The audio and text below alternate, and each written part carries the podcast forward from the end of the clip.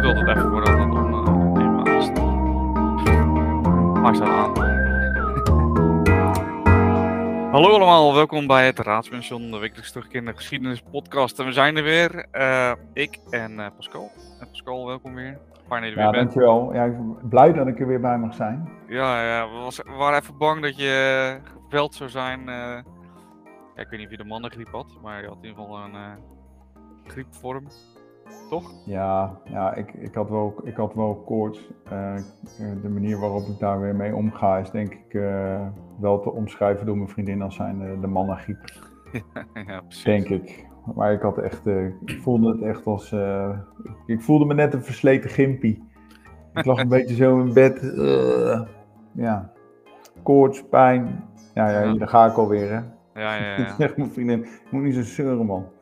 Ik voelde me echt niet lekker. Ik had zweet op mijn voorhoofd. Op een gegeven moment uh, van die rode koontjes. Uh, ja, ja, ga maar terug, ik ga maar terug naar bed.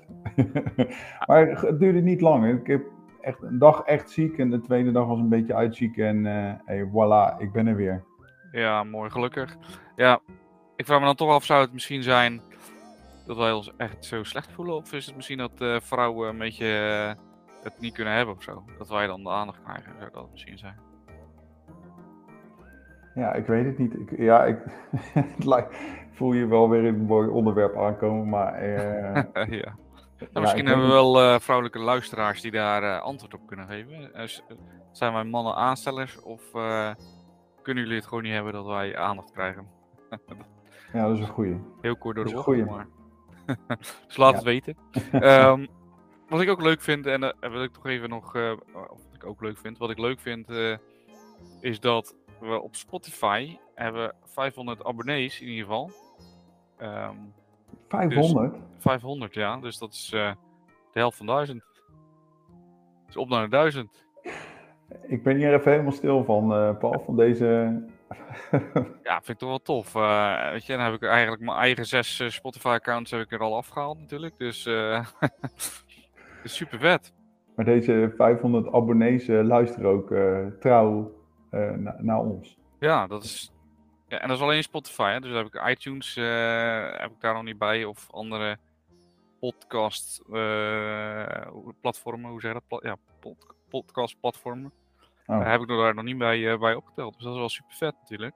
Oh, hoe kan je dat uit? dat kan je allemaal. Ga dat eens even uitzoeken, man. Ik zat er toevallig aan te denken. Ik denk, het is wel grappig dat we dit opnemen, maar en al doen we het voor onszelf, vind ik het ook eigenlijk al prima. maar maar blijkbaar, uh, er, wordt geluisterd. Oh, dat ja. is wel grappig. Ja, dat is toch leuk, ja. Uh, nou ja je hebt natuurlijk, uh, je, ja, hoe een podcast werkt is dat je het opneemt en dan zet je het op een, op een soort platform waarvan het gedeeld kan worden. En vanaf dat platform deel je het naar de verschillende, ja, naar bijvoorbeeld Spotify en iTunes. En Spotify en iTunes en die andere platformen, Google Podcast, wat heb je nog meer? Deezer heb je bijvoorbeeld. Die hebben allemaal zelf hun eigen analytics tools uh, in, in hun website zitten om te kijken hoe vaak je beluisterd wordt eh, of iets dergelijks. En ik moet zeggen dat die van Spotify zijn altijd heel duidelijk en is heel makkelijk overzicht. Die van iTunes op zich ook wel, maar iets minder uh, makkelijk. Maar die andere, ja, die andere podcast distributeurs of hoe je het ook noemen wil, of platformen, die, uh, die hebben dat uh, toch wat minder. Die hebben eigenlijk niet echt die analytics functie erop zitten. Dus ik, uh, ik, het is soms best lastig om te zien hoeveel luisteraars en, en, en, abonnees er nou echt zijn. Dus aan de hand van Spotify kan ik in ieder geval zeggen van nou, we hebben in ieder geval standaard 500 mensen die geabonneerd zijn. En dus ook luisteren elke week. en iTunes um, is dat iets minder. we zijn, is, ik geloof dat het totaal aantal, zeg maar ongeveer 50% Spotify, uh, eh, 25% iTunes en de rest is dan overige diensten, zeg maar. Dus dat is ongeveer een beetje de verhouding. Dus, okay. Maar dat is toch leuk, toch? Ja, ik vond het wel even leuk. Ik werd er wel vrolijk van. Ik was er blij, werd er blij van. Ja, nou ja, dat is toch het allerbelangrijkste. Ja, ja, ja, ja. Nou ja, nou, ja. Ik wil je vinden natuurlijk. Maar ik, zou, ik hoop ook dat mensen ja, dat blijkt dan dat ze het ook leuk vinden. Anders dan abonneren ze zich niet op, uh, op de podcast. Nee, dus dat uh, mensen net zoals uh, er naar uitkijken om weer naar ons te luisteren. Ja, nou, deze week hebben we eigenlijk wel een leuk onderwerp, toch? De, nou ja, leuk. Ja, dat is ook weer zo'n relatief begrip, zeg maar. Het is leuk om het te hebben, maar aan de andere kant is het ook ja, best wel eh, pittig, want we hebben natuurlijk de schoolshooting natuurlijk gehad eh, vorige week volgens mij in Texas, waarbij eh, toch zo'n 19 eh, kinderen en twee volwassenen ja, zijn doodgeschoten. En dan altijd als er zo'n zo'n zo'n shooting is, komt toch weer die vraag naar boven van hoe zit dat nou met die, met die wapenwet in Amerika en eh, moet dat allemaal wel eh, op die manier geregeld zijn? Nou, kijk eens naar de landen om je heen. Hè, als je kijkt naar Nederland, ik kan me niet heugen dat er een eh, schoolshooting is geweest. Nou ja, niet de schoolshooting, maar er is natuurlijk wel in uh, Alphen aan de Rijn Ja. heeft er een schietpartij plaatsgevonden. Ja, Ja, als dus je, maar als je dat natuurlijk eh, even vergelijkt met de aantallen die in Amerika plaatsvinden, dan is dat natuurlijk schrikbarende eh, hoe zeg maar, discrepantie in de cijfers. Dat, eh, ja, het komt iets vaker voor in, in Amerika dan dat het bij ons voorkomt. ja, nou zijn wij misschien dan, de, hè, wij zijn een klein land, misschien zijn wij niet goed te vergelijken, maar als je kijkt naar Canada bijvoorbeeld, hè, wat natuurlijk in het noorden boven Amerika ligt, dan, ja, dan zie je ook dat daar dat bijna gewoon niet voorkomt eh, dat daar zoiets gebeurt. En dan is toch de vraag, hoe, hoe kan dat nou? Hè? En dan veel mensen, of veel, eigenlijk alle Amerikanen, die, die schermen natuurlijk met de Second Amendment, hè, tweede amendement. am- amendement. Het is een amendement, het is geen amendement. Ehm, van ja, weet je, dat is, dat is ons recht, weet je wel. eh, en wij hebben het recht om wapens te dragen. Ja, Dus ja, ik denk dat het aan ons misschien een leuke taak is om eens even uit te leggen waar dat precies vandaan komt. Ja, nou ja, en ik denk dat het ook wel interessant is om dus ook te kijken naar eh, wie, zijn nou die lui die dat ook daadwerkelijk uitvoeren? Wie zijn nou de personen eh, die uiteindelijk dan ook de keuze maken om inderdaad een wapen te kopen, omdat ze dan het recht hebben of omdat ze de keuze hebben om dat, om, dat te doen en dan ook uiteindelijk eh, ja, ook daadwerkelijk uit te voeren. Dat vind ik ook wel, vind ik ook wel interessant hoor. Ja, precies. Nou, laten we eerst even kijken van hè, hoe zit het nou met die, met die Second Amendment?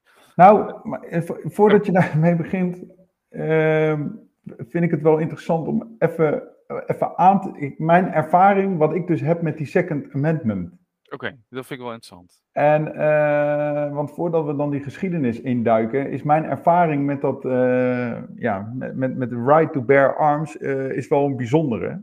En dat wil ik graag ook even delen om, om, om even aan te geven van hoe, hoe dat sentiment nou is en hoe dat dus leeft in die Amerikaanse samenleving. Eh, ik, ben in twee, ik, heb een Amerikaanse neef. Nou, dat is een heel lang verhaal. Gaat ook heel ver terug. We hebben dezelfde achternaam. En eh, hij zat in het Amerikaanse leger, ik in het Nederlands leger. Misschien heb ik het wel eens een keer verteld. En hij zei tegen mij, hij zegt, joh Pascal, kom een keer naar, eh, eh, naar Seattle. Ik woon daar, want ik ben gelegerd op, eh, op een basis daar. En dan gaan wij, nodig ik je uit om naar Amerika te komen. En dan gaan wij twee weken lang gaan we met zijn motorclub, gaan we daar door Washington heen eh, toeren. Dus ik zag dat wel zitten. Ik een ticket naar Seattle gekocht. Ik kom daar aan. Hartstikke tof. Ehm, en dat is wel grappig, want als je op, naar Amerika op vakantie gaat, dan ben je echt een toerist. En nu was je bij iemand thuis. En dat is een hele andere eh, dynamiek. Maar ik moest ook gelijk naar die kazerne toe. En eh, nou, allemaal leuk en aardig. Maar ik leer daar ook zijn collega's kennen. En eh, nou, ook natuurlijk allemaal militair. En nou, militairen die hebben ook wel eens vrije tijd. Dus wat gebeurt er nou? Op een avond eh, zouden we weer met die motor, motoren gaan rijden. En eh, we zitten daar thuis. Bij hem thuis zitten we te, ah ja, zitten eigenlijk te wachten totdat, die, eh, totdat zijn vrienden, collega's eh, eh, eh, zouden verzamelen. Ja, en het moment dat ik daar thuis zit en die eerste gasten komen binnen. Het eerste wat er gebeurde was eh, dat de wapens uit de broek werden getrokken. Die werden ontladen, die werden op de tafel gelegd. En eh, op een gegeven moment liggen op die tafel liggen er allemaal pistolen. Dus ik zit ook te kijken, maar ik, ik ben natuurlijk eh, ex-militair, dus, maar ik schrok daar echt van. Ik dacht, wat de fuck gebeurt hier nou? Maar dat zagen zij, dus zij moesten ook lachen. Van, ah, ja, ben je natuurlijk niet gewend, omdat je uit Nederland komt. Dat hadden ze dan nog wel door. Maar ik denk, ja, waarom moeten al die pistolen hier nou keer op tafel liggen? En bij mijn neef lag ook gewoon standaard het pistool op de koelkast. Geladen. Ik dacht ook echt, hè? Waarom? Maar goed, we gaan eh, eh, motorrijden, dus eh, we worden weer verzameld. Hè? Dus die wapens die worden weer allemaal, ja, zeg maar op de man meegedragen. Er wordt ook geladen. Hè? Dus ze rijden allemaal half geladen rijden we rond op die motoren. Maar we komen bij de eerste de beste kroeg komen we aan. Maar wat blijkt dan? In Washington, wat vrij liberale staat is, mag je dus niet met een wapen de kroeg in. Dus we komen met al die motoren. Ja, het leek wel een wild westval. Maar we komen daar dus aan met die motoren. En ja, we staan daar dus. Dus al die wapens moeten weer worden ingeleverd bij één motor. In zo'n grote Harley achter in zo'n tas uh, werden die gedouwd. Ja, en toen moesten we natuurlijk één de wacht houden. Maar ik dacht, ja, dat is een mooi verhaal. Ik heb helemaal geen pistool bij me. Ik ga hier niet de wacht houden. moest er gewoon iemand buiten wachten tot de rest de kroeg in kon. Om daar wat te gaan zitten zuipen. En uh, eentje moest buiten wachten. Ja, en uiteindelijk werd dat ook weer afgewisseld. Dus er ging er weer één naar buiten, kwam de ander weer naar binnen. Om de wacht te houden bij die wapens. En ik dacht echt zo, wat, wat is dit voor onzin, joh? Maar ja, goed, het is gewoon het, het gevoel dat je dus een wapen bij je mag hebben. Ja. Echt totaal zinloos. Maar ik dacht toen ook van, ja, stel je nou voor dat we hier een, een zeg maar een, een ordinaire verkeersruzie gaan krijgen of zo. Lijkt me wel, uh, ja, dat lijkt me inderdaad wel heftig, ja, op die manier. Ja, ik heb me ook echt mateloos uh, uh, verbaasd over dat feit. Ja, en ga daar de Walmart binnen. Je kan, je kan alles krijgen wat je wil, althans. alles is voorhanden. En wat ik het meest verrassende vond, is het verschil. Hè? Want we gingen dus we gingen ook even wat drank halen. Dat was dus een, op een ander moment. En toen was zijn zoontje was mee in, die, in de auto en we gaan drank halen. En toen zei ja, sorry, ik, jij moet even alleen drank gaan halen, want ik kan niet met mijn zoontje de drankenwinkel in. Weet je, dat kan dan weer niet. Te vaag. Terwijl die wapens staan. Maar hij serieus uh, zat hij te denken van, nou, hij woont niet meer in Seattle, maar hij, hij heeft serieus overwogen om uh, bijvoorbeeld naar Texas te gaan, om daar naartoe te verhuizen, om, uh, omdat daar die wapenwet soepeler is dan in andere, andere staten. Maar om, om, om dat gevoel te hebben dat je dus een wapen bij je mag dragen. Maar ze leggen niet uit van uh, waarom, wa waarom, zeg maar. Alleen, het was alleen het gevoel van het mag, nee. dus dan moet het ook zo. Nou ja, goed, daar gaan we misschien later ook over hebben. Het, uh, kijk, ik, ik, je gaat daar, ik, denk, ik vroeg ook, hè, why? Waarom?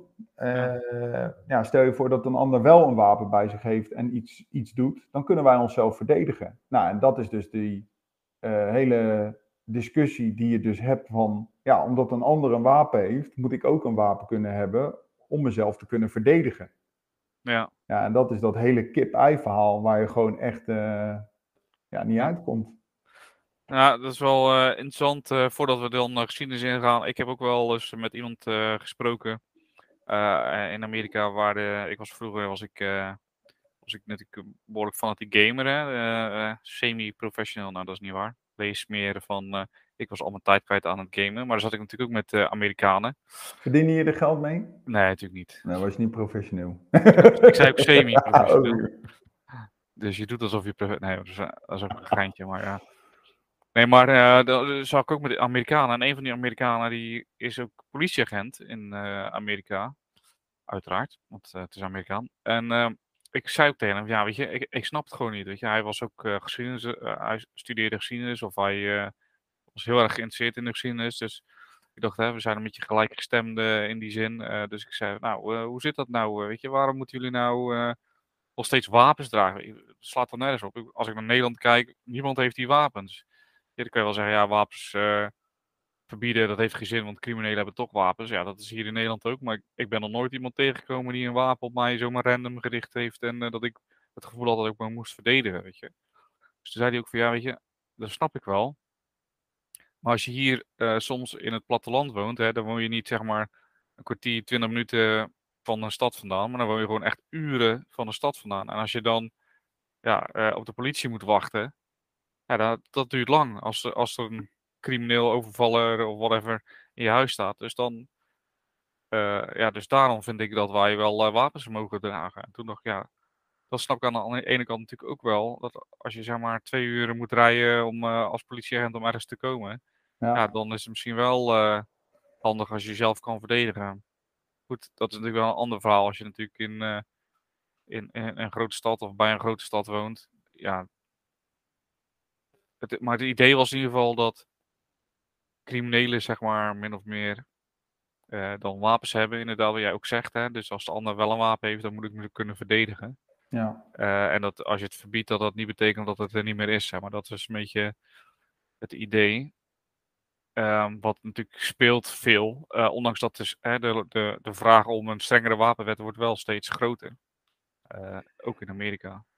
Nou ja, het zijn, het zijn natuurlijk ook, uh, kijk, dat is natuurlijk ook zo'n mooie, wat, wat ook die wapenlobby ook zegt. Ja, het zijn niet de wapens die de mensen vermoorden, maar het zijn de mensen achter die wapens. Ja, ja. wie kan er dan allemaal een wapen kopen?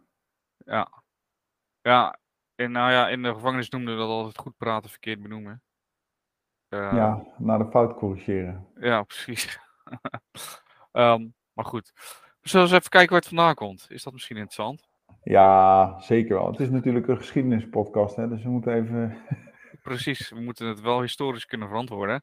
En uh, het is op zich niet zo heel moeilijk, want we, ja, als het goed is kent iedereen de Amerikaanse onafhankelijkheidsoorlog wel. Hè? Dus de strijd uh, van de Amerikaanse staten tegen de grote machtige uh, Engelse overheid.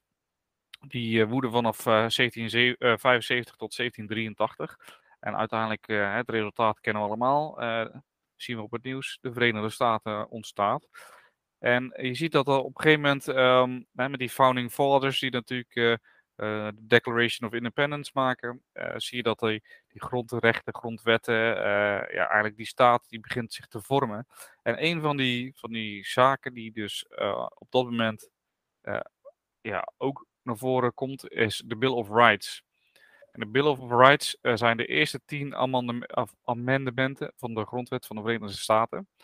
En um, die moeten min of meer de rechten van de burger veiligstellen. Dat was het idee. En het zijn dus uh, het zijn tien uh, amendementen. Waarvan de eerste de vrijheid van meningsuiting is, religie. De tweede recht op wapenbezit. Nou, dat is natuurlijk waar we het zo nog iets uitgebreid over gaan hebben. De derde is het inkwartieren van soldaten. en dan niet zozeer dat dat moet, maar juist niet. Hè. Dus als vrede is, zullen er geen soldaten ingekwartierd worden in een huis van een burger. Um, de vierde is de doorzoeking en inbeslagname. Uh, dat betekent dus dat een persoon in principe het recht heeft om uh, in zijn eigen huis, uh, ja, dat, dat zijn spullen en zijn, zijn huis, dat die niet zomaar doorzocht of in beslag genomen mogen worden. De vijfde is het recht op een eerlijk proces. Um, de zesde is het recht, zijn de rechten van de verdachte. klinkt ook een beetje zoals zeg maar, de Nederlandse rechten van de verdachte. Je bent onschuldig tot tegendeel bewezen is. Maar je hebt ook recht op een snel en uh, openbaar proces met een onafhankelijke uh, jury. Um, de zevende is juryrechtspraak in een civiel proces. Um, nou ja, juryrechtspraak, hè, dat is heel anders dan in Nederland. dus daar zullen mensen, um, het gaat dan, als het geschil niet groter is dan 20 dollar, zal, zal het recht op juryrechtspraak gelden. en dan ja, moet je dus voor een, moet een jury beslissen of, het, of je gelijk hebt of niet. Um, achter is uh, het amendement van de overdreven borgtocht, vrede en ongebruikelijke straffen. Dus in principe gaat het daarom dat je geen hoge, overdreven hoge borgtocht geëist zal worden. En dat je ook niet overdreven hoge boetes zou, kunnen krijgen of vrede ongebruikelijke straffen. Uh, maar ja, Klinkt een beetje alsof ze daarmee lijfstraffen en dat soort dingen willen uitbannen. De negende is de uh, hier genoemde rechten zijn niet alle rechten. Dus dat betekent dus dat je uh, meer rechten kan hebben als deze tien uh, amendementen. dus dat het een soort ingebouwde clausule van oké, het is leuk dat we deze nu goedkeuren, maar er kunnen altijd rechten bij komen.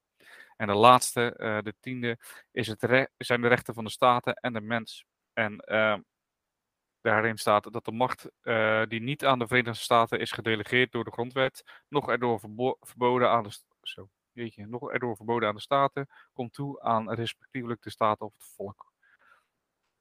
Nou, dat zijn uh, de tien amendementen. En het tweede is dus eigenlijk waar het hier heel tijd op gaat, het recht op vrij wapenbezit. En de Bill of Rights werd in 1791 werd die geïntroduceerd. Dus dat is echt al een hele, hele oude ja, grondwet eigenlijk, om het zo maar te zeggen. En in de tweede, het tweede amendement staat eigenlijk um, a well-regulated militia being necessary to the security of a free state, the right of the people to keep and bear arms shall not be infringed. Oftewel, hè, je moet dus, uh, de burgers mogen wapens hebben, want dat is een soort, dat is een ja, het is nodig om een vrije staat te kunnen hebben. dus het gaat dan vooral ook om, en dan moet je zien in, die, in het licht van die tijd, hè, de tyrannieke Engelse overheid die natuurlijk, uh, waar ze net vanaf waren. En dat wilden ze niet nog een keer. Dus eigenlijk wilden ze ervoor zorgen dat de burgers uh, genoeg wapens hadden, dat, er, dat een overheid niet te machtig kon worden en ja, min of meer de burgers zouden kunnen onderdrukken. Ja, dus dat is uh, Second Amendment. Uh, ja, nu wordt het natuurlijk ook vaak gezegd, uh, ja, wat ga je dan doen? Hè? Je mag, heb je een pistool of, een, of je AR-15 die dan gebruikt werd in Texas. Maar wat ga je daar te doen tegen een F-22 die een bom op je hoofd gooit? Hè? Dus in die zin is dat natuurlijk wel een beetje, ehm, ja, misschien wat outdated, zeg maar zo'n wet. Hè? Een beetje ouderwets, zou je kunnen zeggen. Van ja, wat, ga, wat kan je nou als burger met een wapen doen tegen een machtige overheid met een, met een leger. Dus dat is een van de uh, nou, tegenargumenten. Ja, ja. Kijk, weet je, zo'n wet of zo'n amendement is natuurlijk ook geschreven in de, denk ik ook in het, in het licht van die tijd. Ja. En uh, daar waren ze natuurlijk als de dood dat die, uh, dat die Engelsen weer, uh, weer terug zouden komen. Dus toen dachten ze van, nou weet je wat, als we iedereen, als, als mensen gewoon milities kunnen vormen door ze, door ze het recht om, om wapens te kunnen dragen. Ja, dan, dan wordt het in ieder geval moeilijker voor die Engelsman om, om tegen, die, ja, tegen en een eventueel regulier leger te gaan vechten, maar ook nog eens een keer tegen die milities uh, die, ja, die tot de tanden bewapend zijn, of in ieder geval zichzelf uh, kunnen verdedigen. Ja, weet je, dat vind ik altijd een beetje het lastige, want zo'n tekst, uh, wat zeggen we, 1791. ja. Ja, jongens, um, wat mij heel erg bezighoudt, is dat het voor die tijd, het is voor zo'n tekst is voor een bepaalde periode is dat houdbaar. En dan vind ik het wel op zijn plaats om, om toch eens te kijken naar, ja, kunnen we dat soort dingen dan toch niet eens een keertje gaan herzien? En, en, en het fascineert mij gewoon heel erg dat dit soort teksten die toen zijn geschreven, omdat er toen heel veel sentimenten waren met het, uh, het onderdruk uh, kunnen worden, of in ieder geval overvallen, of in ieder geval bezet worden door een vreemde mogelijkheid. Ja, jongens, is daar nu nog wel sprake van. Uh, de tijd verandert. Ja. De, de, de, het ziet er nu heel anders uit. Dus ja, ik ben wat dat betreft wel een voorstander van, nou ja, is hier niet op een of andere manier is naar te kijken en te zeggen van, nou, dit gaan we toch eens even herzien. Ja, nou ja, je hebt uh, in het verleden bijvoorbeeld uh, de meest recente uitspraak van het Hoge Rechtshof, Hoge Rechtshof zo, Hoge Rechtshof in 2008 um, um, oordeelde dat Hoge Rechtshof uh, over die Second Amendment als uh, ja, dat je niet uh, daaraan mag tornen. Hè, dat dat een, een, een grondrecht is ehm, die juist de burgers moet beschermen. Dus dat, die juist, dat, die, dat dat juist heel belangrijk is. En ja, dat het vuurwapenbezit in, in dat opzicht wordt dan ook als een soort heilig symbool voor de vrijheid gezien. En in 2008 was dus die, uh, dat oordeel. En er waren natuurlijk pro-gun uh, liefhebbers waren daar natuurlijk heel erg van gecharmeerd. Hè? Uh, de mensen die voor de vuurwapens waren. Die zeiden, ja, zie je wel, eh, ook de hoog, het Hoge Rechtshof zegt van, ja, een wapen is noodzakelijk om onszelf als burger te beschermen tegen criminelen, maar ook tegen de tyrannieke overheid. Eigenlijk wat we in het begin ook al natuurlijk bespraken. En dat zie je vooral bij de conservatieve Amerikanen, die ja, echt als de dood zijn voor een strenge, onderdrukkende overheid. En dat is natuurlijk niet alleen op wapengebied. Hè? We hebben het eerder gezien bijvoorbeeld in die. Uh, uh, uh, toen Obama de Obamacare natuurlijk verplicht stelde en invoerde. Toen werd ook gezegd: ja, weet je, nou worden we verplicht door een overheid om een zorgverzekering af te sluiten. En ja, dat is toch heel raar en, en dat kan niet, want we moeten vrij zijn in ons land, we moeten zelf beslissingen kunnen nemen. Um, terwijl aan de andere kant is het natuurlijk eigenlijk alleen maar bedoeld om uh, ja, ervoor te zorgen dat je gewoon geholpen kan worden in een, in een ziekenhuis bijvoorbeeld. Dus uh, je ziet toch dat die Amerikanen daar toch wel heel erg. Ja, is dat, ik, is dat liberaal? Ja, dat is denk ik liberaal. Uh, heel erg liberaal in zijn om maar alles zelf te moeten kunnen beslissen en dat de overheid zo min mogelijk moet beslissen voor de burger. Ja, dat is de zogenaamde nachtwakerstaat. Hè? Ja, precies. Ja. de overheid grijpt alleen maar in als het dan uh, daadwerkelijk fout gaat. Maar volgens mij is al lang bewezen dat uh, een staat zo inrichten gewoon echt niet, uh, niet werkt. Omdat er gewoon een hele grote groep mensen zijn die, die inderdaad in een samenleving zoals we leven, die vrij complex is, uh, dat dat gewoon niet werkt. En dat er inderdaad wel een overheid nodig is om uh, zaken te kunnen reguleren, om uh, nou, in ieder geval ook kloof tussen armen. Kijk hier, wat hier ook nu maar gebeurt. Om dat is goed, nou, om in goede banen te leiden, omdat nou, de een profiteert van de ander. nou, nou, noem het allemaal maar op. Er, er moet gewoon iets zijn wat, wat zaken reguleert, zodat er ik zeg niet dat we naar totale gelijkheid moeten gaan, zoals in communisme of een socialistische heilstaat. Maar in ieder geval dat, uh, nou ja, dat, dat die een soort van gelijkheid, zoals ook in die, in die, in die, in die Bill of Rights staat, ja, dat, daar, daar moet wel een, een onafhankelijk iets, of in ieder geval die staat moet daar wel een beetje voor gaan zorgen. Maar ja. en ik denk dat dat tweede amendement, dat is echt gewoon, dat hebben ze erin gezet om inderdaad jezelf dus te kunnen verdedigen tegen die, tegen die Engelsen. Ja, maar die tijd is echt wel uh, voorbij. Dat is mijn interpretatie. En dat is een beetje het lastige van deze tekst natuurlijk. Hij is heel erg, ja, die wet is natuurlijk heel erg breed interpreteerbaar. Ja, dat is een beetje zoals ook uh, dingen in de Bijbel zijn geschreven. Ja, daar kan je ook een eigen interpretatie uh, van maken. Maar het is levensgevaarlijk, want als je dus een, als ik het op een bepaalde manier interpreteer uh, en ik ben een hele sterke spreker en ik zit bijvoorbeeld bij de uh, eh, NRA, National Rifle Association, wat een ontzettend grote lobbyclub is met heel veel invloed. Ja, dan heb ik er alle baat bij dat, deze, dat dit amendement uh, bestaan blijft. En dan kan ik altijd proberen om, om ervoor te zorgen dat hier geen aanpassingen op komen, omdat ik er baat bij, ik heb er een belang bij dat dit zo blijft bestaan. En dan kan ja, ik het altijd op een andere manier uitleggen over het beschermen van, van van, van de bevolking. Want dit, dit is dus bedoeld om jezelf te kunnen beschermen. Ja, leg dat maar eens uit aan die 19, uh, aan die 19 ouders uh, uh, van, van die mensen die zijn omgekomen in, in die school. Ja. Ja, dan zeggen zij, ja, maar ja, dan had die docent had zich dan maar moeten bewapenen, want dan had, hadden ze er in het eerste instantie al gelijk wat aan kunnen doen. Ja, en dat zijn van die jijbakken, ja, dat, dat is een eindeloze discussie. Daar heb je helemaal niks aan. Het, ik denk dat ze daar, ze zijn te ver. Weet je, je kan dit niet meer terugdraaien. Er, er, er zijn zo verschrikkelijk veel wapens daar in omloop. Ik weet niet wat de cijfers zijn, maar goed, het, het is echt ontelbaar. Ja, wat, wat, moet je doen? Ja, dan gaat iedereen, moet iedereen zijn wapens maar gaan inleveren. Nee, dat kan ook niet. Ja, ja, dat, ja inderdaad. Dat, dat is wel een moeilijkheid natuurlijk waar, de, waar ze voor staan. Zeg maar, hoe, eh, als ze het zouden eh, corrigeren, eh, corrigeren in die zin, als ze strengere wapen, wapenbeleid zouden doen, hoe gaan ze dan de wapens die er al zijn, hoe gaan ze die er dan uithalen? En je, noemde net al de National Rifle Association, hè, de NRA, en die doet al vanaf 1871 er alles aan om, die, om dat wapenbezit, hè, om, dat, om die regels daar, daartegen ongedaan te maken. Dus dat, dat wapenbezit goed is, uh, zoals je ook al, zegt.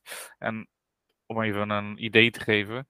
Ze doneerden uh, een bedrag van 31 miljoen dollar aan de campagne van, uh, van Trump, die natuurlijk pro-wapenbezit was. nou ja, je kan je wel voorstellen wat een groot, wat een groot lobbybedrijf dat is eigenlijk.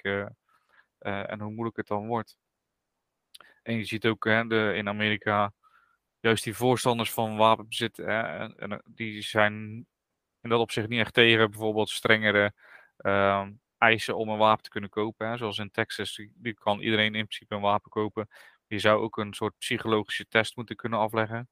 Um, in Nederland is dat volgens mij ook. Je zou in Nederland moet je ook een, uh, ja, die eisen zijn natuurlijk heel streng, maar dan moet je ook allerlei psychologische tests door, uh, doorlopen. Wil je überhaupt aan een wapen kunnen komen?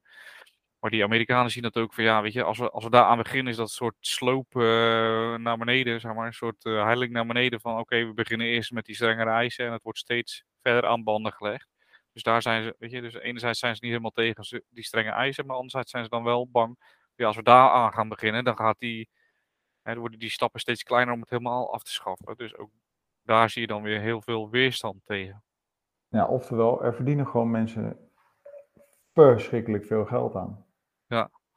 Oh, het is trouwens wel zo dat het uh, bezit van automatische uh, wapenstanks uh, of raketten, dat, die verboden, dat dat verboden is in Amerika. Dus je mag geen automatische wapenstanks of raketten bezitten. Nee, maar weet je, wat is. Oké, okay, maar dan we, gaan we even technisch verhaal. Het verschil tussen een automatisch wapen en een semi-automatisch wapen. Ja. En weet, weet je waarom dat verschil erin is? Tussen ehm. automatisch en semi-automatisch? Dat je dan beter kan richten? Nee. Oh. Het was namelijk zo dat, kijk, als je een automatisch wapen hebt, het verschil tussen een semi-automatisch en een automatisch wapen. Als ik automatisch wapen heb, ik span mijn wapen, ik laat mijn wapen en ik span hem. Er zit één patroon in de kamer van dat automatisch wapen en ik haal de trekker over en ik blijf de trekker vasthouden. Dan rammel ik in één keer die hele patroonhouder doorheen. Ja. En ben ik leeg. Maar ze kwamen erachter in de Vietnamoorlog dat uh, door mensen die dus, soldaten uh, met stress in een schuddersput, uh, die, nou ja, niet paniek, maar in ieder geval, die drukken die, de trekker, halen de trekker over en die drukken dus in één keer hun hele wapen leeg. Dat semi-automatisch, dat is dus dat je per keer de trekker over moet halen om te schieten. Of dat er nog een stand op zit, dat je bijvoorbeeld met burst kan schieten. Dus dat je uh, drie patronen per keer.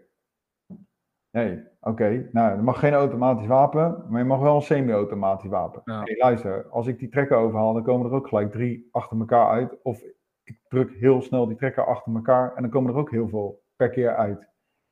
Weet je, ik, dat vind ik zo'n onzin. Ja, ja, ja.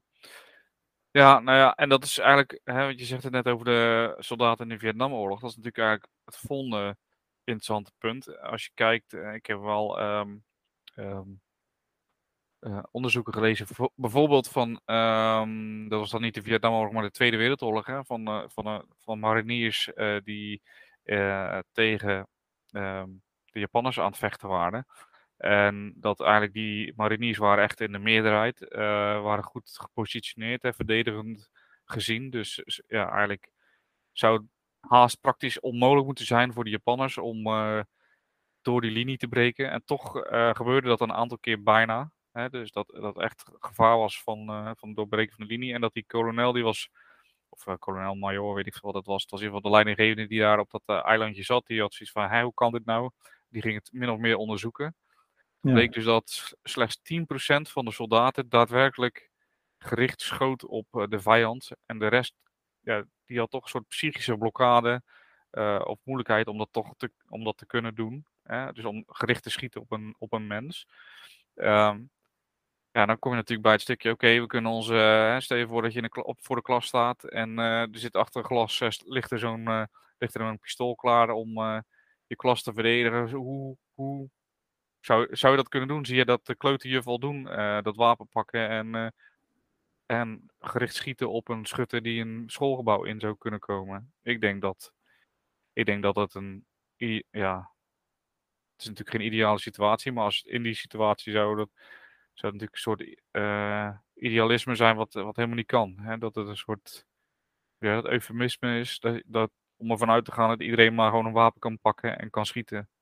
Uh, zonder daar ja, psychisch dan bewust dan wel onbewust uh, uh, een soort blokkade van heeft. Nou ja, ik, ik weet niet. Ik ben geen psycholoog, maar ik denk dat het moment dat iemand met een wapen je school binnenkomt, dat het dan heel snel wordt van oké, dit wordt overleven. En volgens mij ga je dan terug of in je reptiele brein, ik wil overleven. Het maakt me allemaal geen reet meer uit wat ik daarvoor moet doen of je bevriest, of je gaat vechten, of je gaat vluchten, of je, je, je weet niet wat je reactie zal zijn. Volgens mij is dat ook heel, heel slecht te trainen. Uh, ja, ik denk dat, ja, wat jij zegt, ja, dat dan de kleuterjuf uh, dat wapen moet gaan pakken en dan uh, moet gaan terugschieten. maar ja, dat is dan ook weer, stel je voor dat, nou ja, die jongen die daar dan die, school binnenkomt met een AR-15, AR, assault rifle. Uh, volledig voorbereid. Hij heeft uh, mazzel dat hij dus. Hij heeft het voordeel dat hij in, in de. Hij, hij is in het voordeel omdat hij dus die aanval heeft gepland. Jij moet daarop reageren. En dan ligt daar een pistool in de kast. Ja, dat is die verhouding dat, weet je, dan zou je ook al moeten zeggen, ja, dan wil ik ook een, uh, een, een, een aanvalsgeweer. Of dan wil ik ook, ja, weet je, die, die, die verhoudingen zijn gewoon helemaal, uh, helemaal zoek. Nou ben ik in ieder geval wel blij dat de Amerikaanse overheid zegt, ja, je mag geen raketten, tanks en uh, dat soort ellende hebben. Maar weet je, het wordt dan zo'n wapenwetloop.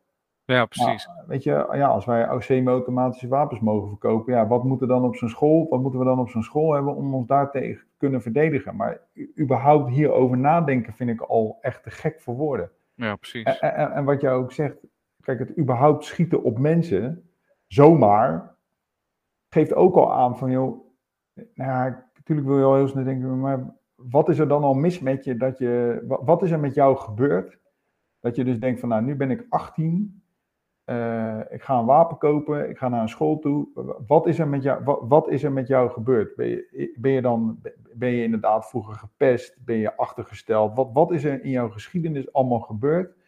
Wat, wat maakt dat jij dan denkt van, nou, nu ga ik, uh, nou, ga ik ze terugpakken of, of iets. Of uh, ik wil me gelijk halen of ik wil gezien worden of weet ik veel wat. En als je naar al die individuen kijkt die die uiteindelijk uh, nou, dit soort dingen doen. Er is altijd wel iets in hun geschiedenis waardoor dus ja, waardoor ze of zijn teleurgesteld, of ze zijn vernederd, of ze zijn gepest. Nou, dat, dat soort dingen allemaal die dus maken van, nou, nu ga ik ze terugpakken. Ik vind dat het mooiste met die, uh, is dat die Yuna Bomber? Heb je die serie wel eens gezien? Aanrader voor, uh, voor het luisterend uh, publiek. Die op een gegeven moment uh, verstuurd, worden er allemaal pakketjes verstuurd. Worden allemaal pakketjes verstuurd met bommen erin. Dan worden gewoon allemaal mensen, ja, eh, allemaal onschuldige mensen worden dus, ja, die zijn bang om pakketjes te ontvangen.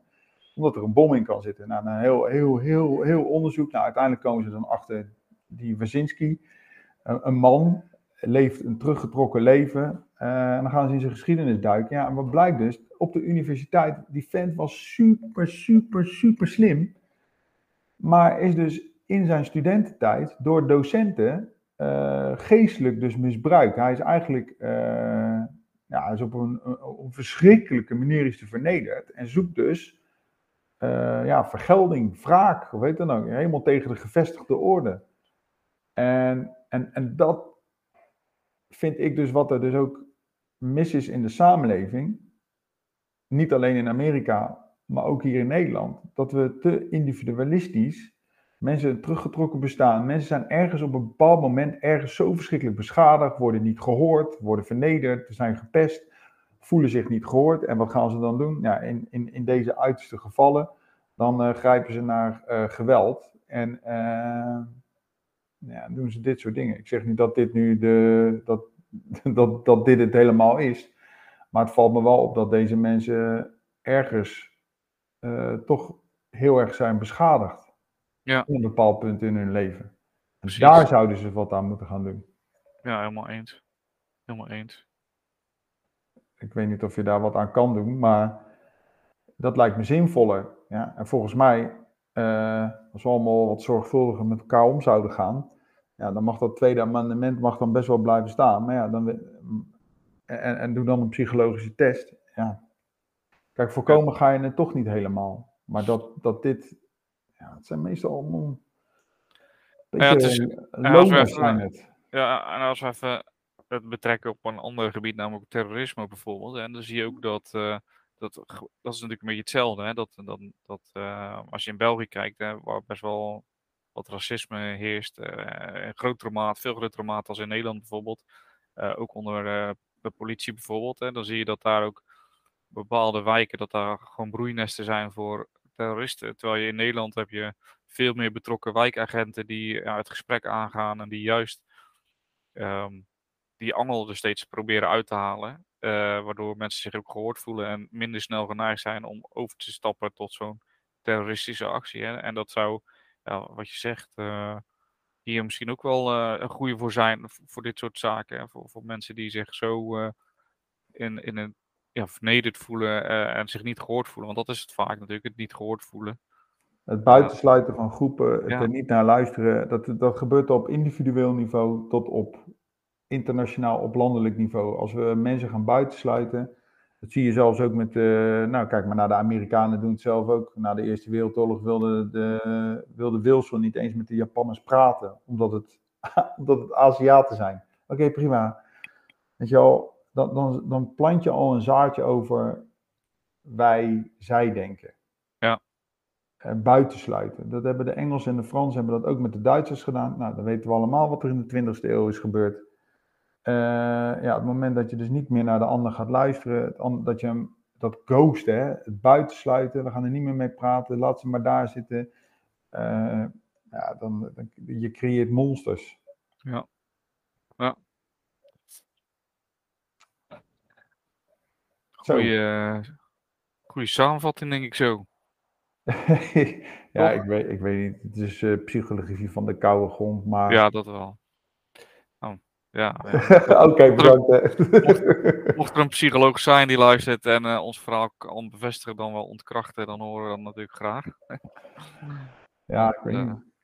Ja, het klinkt allemaal heel logisch. Hè? En volgens mij hebben we ook wel redelijk wat onderzoeken achter ons staan die dat waarschijnlijk wel kunnen bevestigen. In ieder geval, ik heb veel, uh, ik lees best wel wat boeken uh, waar dat ook bijvoorbeeld in naar voren komt. Hè. Dus, um, dus ja. ja. ja. goed, als je dat tweede amendement, dat ga je echt niet aanpassen. Dat, dat is bijna iets bijbels. Dat is zo, uh, dat, dat, dat gaat gewoon niet. Je gaat ook niet de, de Bijbel herschrijven. Mensen hechten hier zoveel belang aan dat het, ja. dat het gewoon niet, dat, dat ga je niet aanpassen. Nee, precies. Oftewel, dan is eigenlijk het woord nog sterker dan het zwaard. Hè? Want uiteindelijk, naar aanleiding van wat er ooit een keer daar is geschreven, gaan mensen dus nu, uh, vinden mensen dat ze dus dat recht hebben. En het is gewoon niet meer, het is gewoon niet meer aan te passen. Nee. Maar ja, ik denk dat je veel beter naar het geestelijk welzijn van mensen kan kijken. En dat je je samenleving op een dusdanige manier gaat inrichten. Uh, nou ja, waarin dus wel, nou, ik zeg niet dat een overheid zich daar compleet mee moet bemoeien. Maar zou wat meer, inderdaad, wat ik net zei, in plaats van een nachtwakerstaat, meer een soort van zorgstaat kunnen worden. Uh, maar ja, dat willen ze daar niet. Ze hebben zich daar mega tegen afgezet. Weet je, zij willen, zij willen dus, die vrijheid is een heel erg groot goed, maar ja, die vrijheid geeft dus ook ontzettend veel belemmeringen. Want ja, ja. als wij vinden dat de overheid zich niet met jouw geestelijk welzijn uh, moet bemoeien, en ja, dan zie je dus ook dat er excessen ontstaan waarin dus uh, mensen, ja, eigenlijk vereenzamen of, of hun hele eigen plan trekken. Of in ieder geval ja, niet, door, door niets of door niemand meer op het rechte spoor uh, worden gebracht. Waarin je dus zulke excessen kan krijgen als wat er dus in, in, in die school is gebeurd. Ja. Maar ga maar na, al die individuen of die groepen die die, die, die schoolshootings uh, hebben geïnitieerd, er is altijd wat mee gebeurd. Ja, dat is een pijnlijke conclusie die we wel kunnen trekken, denk ik. Yep. Afsluiten maar, denk ik. Ja, we hebben het nog niet opgelost, hè? Uh, nee. Konden we het maar oplossen? Nou ja, ik denk dat er wel iets gaat veranderen. Want als je kijkt naar die, die Care, die basketbalcoach. Uh, uh, oh, ja. ja. ja. weet je, dat is ook wel een manier om mensen te bereiken. Een belangrijke basketbalcoach die, die daar echt wel iets van, die er wat van vindt en er ook wat van mag vinden. Omdat zijn vader in uh, Beirut is uh, omgekomen, door, ook door een, door een, een, moordaanslag. Ja, weet je, dat, dat, dat zijn inderdaad de mensen die met hun persoonlijk verhaal ook, ook, ook eens moeten gaan zeggen van joh, dit, dit, is, wat het, dit is wat het doet. En we, ja. we moeten hier iets, iets mee. Ja, je ziet veel meer celebrities die, natuurlijk, die nu opstaan en dat soort dingen roepen. Ja. tegen, tegen het wapenbezit. Dus dat is uh, in, in, in dat opzicht in Hollywood ook wel aan het omslaan. ja, en je hebt toch die mensen nodig om. ja, die hebben, die, die, hebben natuurlijk een, een, stem die veel gehoord wordt. Ja, inderdaad. En ja, dit land van tegenstellingen. Kijk, weet je, dat, dat zijn inderdaad ook hè, de, de staten aan de kust waar het wel goed gaat. Of, en, en dan die in het midden, dat Midwesten, ja, dat denkt er dan weer heel anders over. Dat is echt, dat, dat is zo bizar. Ja, die, die, zullen weer een ander geluid uh, laten horen. En ik hoop dat dat geluid van zo'n basketbalcoach, van die Steve Kerr, dat dat wel, uh, dat, dat Ja. meer, meer gedeeld eh, gaat worden. Maar het Nou zal ja, lastig worden. Ik heb het gezien, ik vond wel een. eh, ik ben no- normaal gezien niet zo emotioneel daarin, maar ik vond wel. Het greep me wel aan, zeg maar, hoe hij dat eh, bracht. eh, ja, dat raakte wel, zeg maar. Ja. ik. Nou, we hopen op dat het daar eh, beter gaat. Precies. Dat dit niet meer gaat gebeuren. Precies. Maar goed, dat is eh, wishful thinking. Maar goed, Iemand moet ermee beginnen. dat is waar. Ehm dankjewel weer Ja, jij ook. voor deze filosofische. Ja, was filosofisch. Ja, toch wel eh, een mooi deel, toch? Ik vond eh, het is wel goed om eh, af en toe. Hè, dat is natuurlijk wat je ook met geschiedenis en geschiedenisonderwijs wil. Hè, dat je je kan verplaatsen in de verschillende gezichtspunten en meningen van, van anderen. Dus het is denk ik ook goed om soms even de diepte in te gaan over de menselijke psyche. En in ieder geval wat we ervan vinden. Wat we Ja. aan denken. Dus ik hoop dat. Ik hoop dat de luisteraar dat, eh, daar ook wat aan heeft om, eh, om zo een eh, beeld te kunnen vormen. Ehm, dus ja, jij bedankt weer voor onze, voor onze, ja, voor ons gesprek. Graag Bedankt voor ons gesprek. eh, Graag gedaan. Graag En ik hoop dat de luisteraars het interessant vonden. Bedankt voor het luisteren ook. Mocht je nou vragen of opmerkingen hebben aan een van ons of allebei of whatever, dan stuur dan een mailtje naar geschiedenis.paulushistoricus.nl of eh, vind, eh, vind ons op een van de social media kanalen. Facebook, Instagram, Twitter, TikTok, alles. En dan, eh, dan horen jullie ons volgende week weer. Ja, zeker. Toch? Ja, tot volgende week. Tot volgende week. Hey.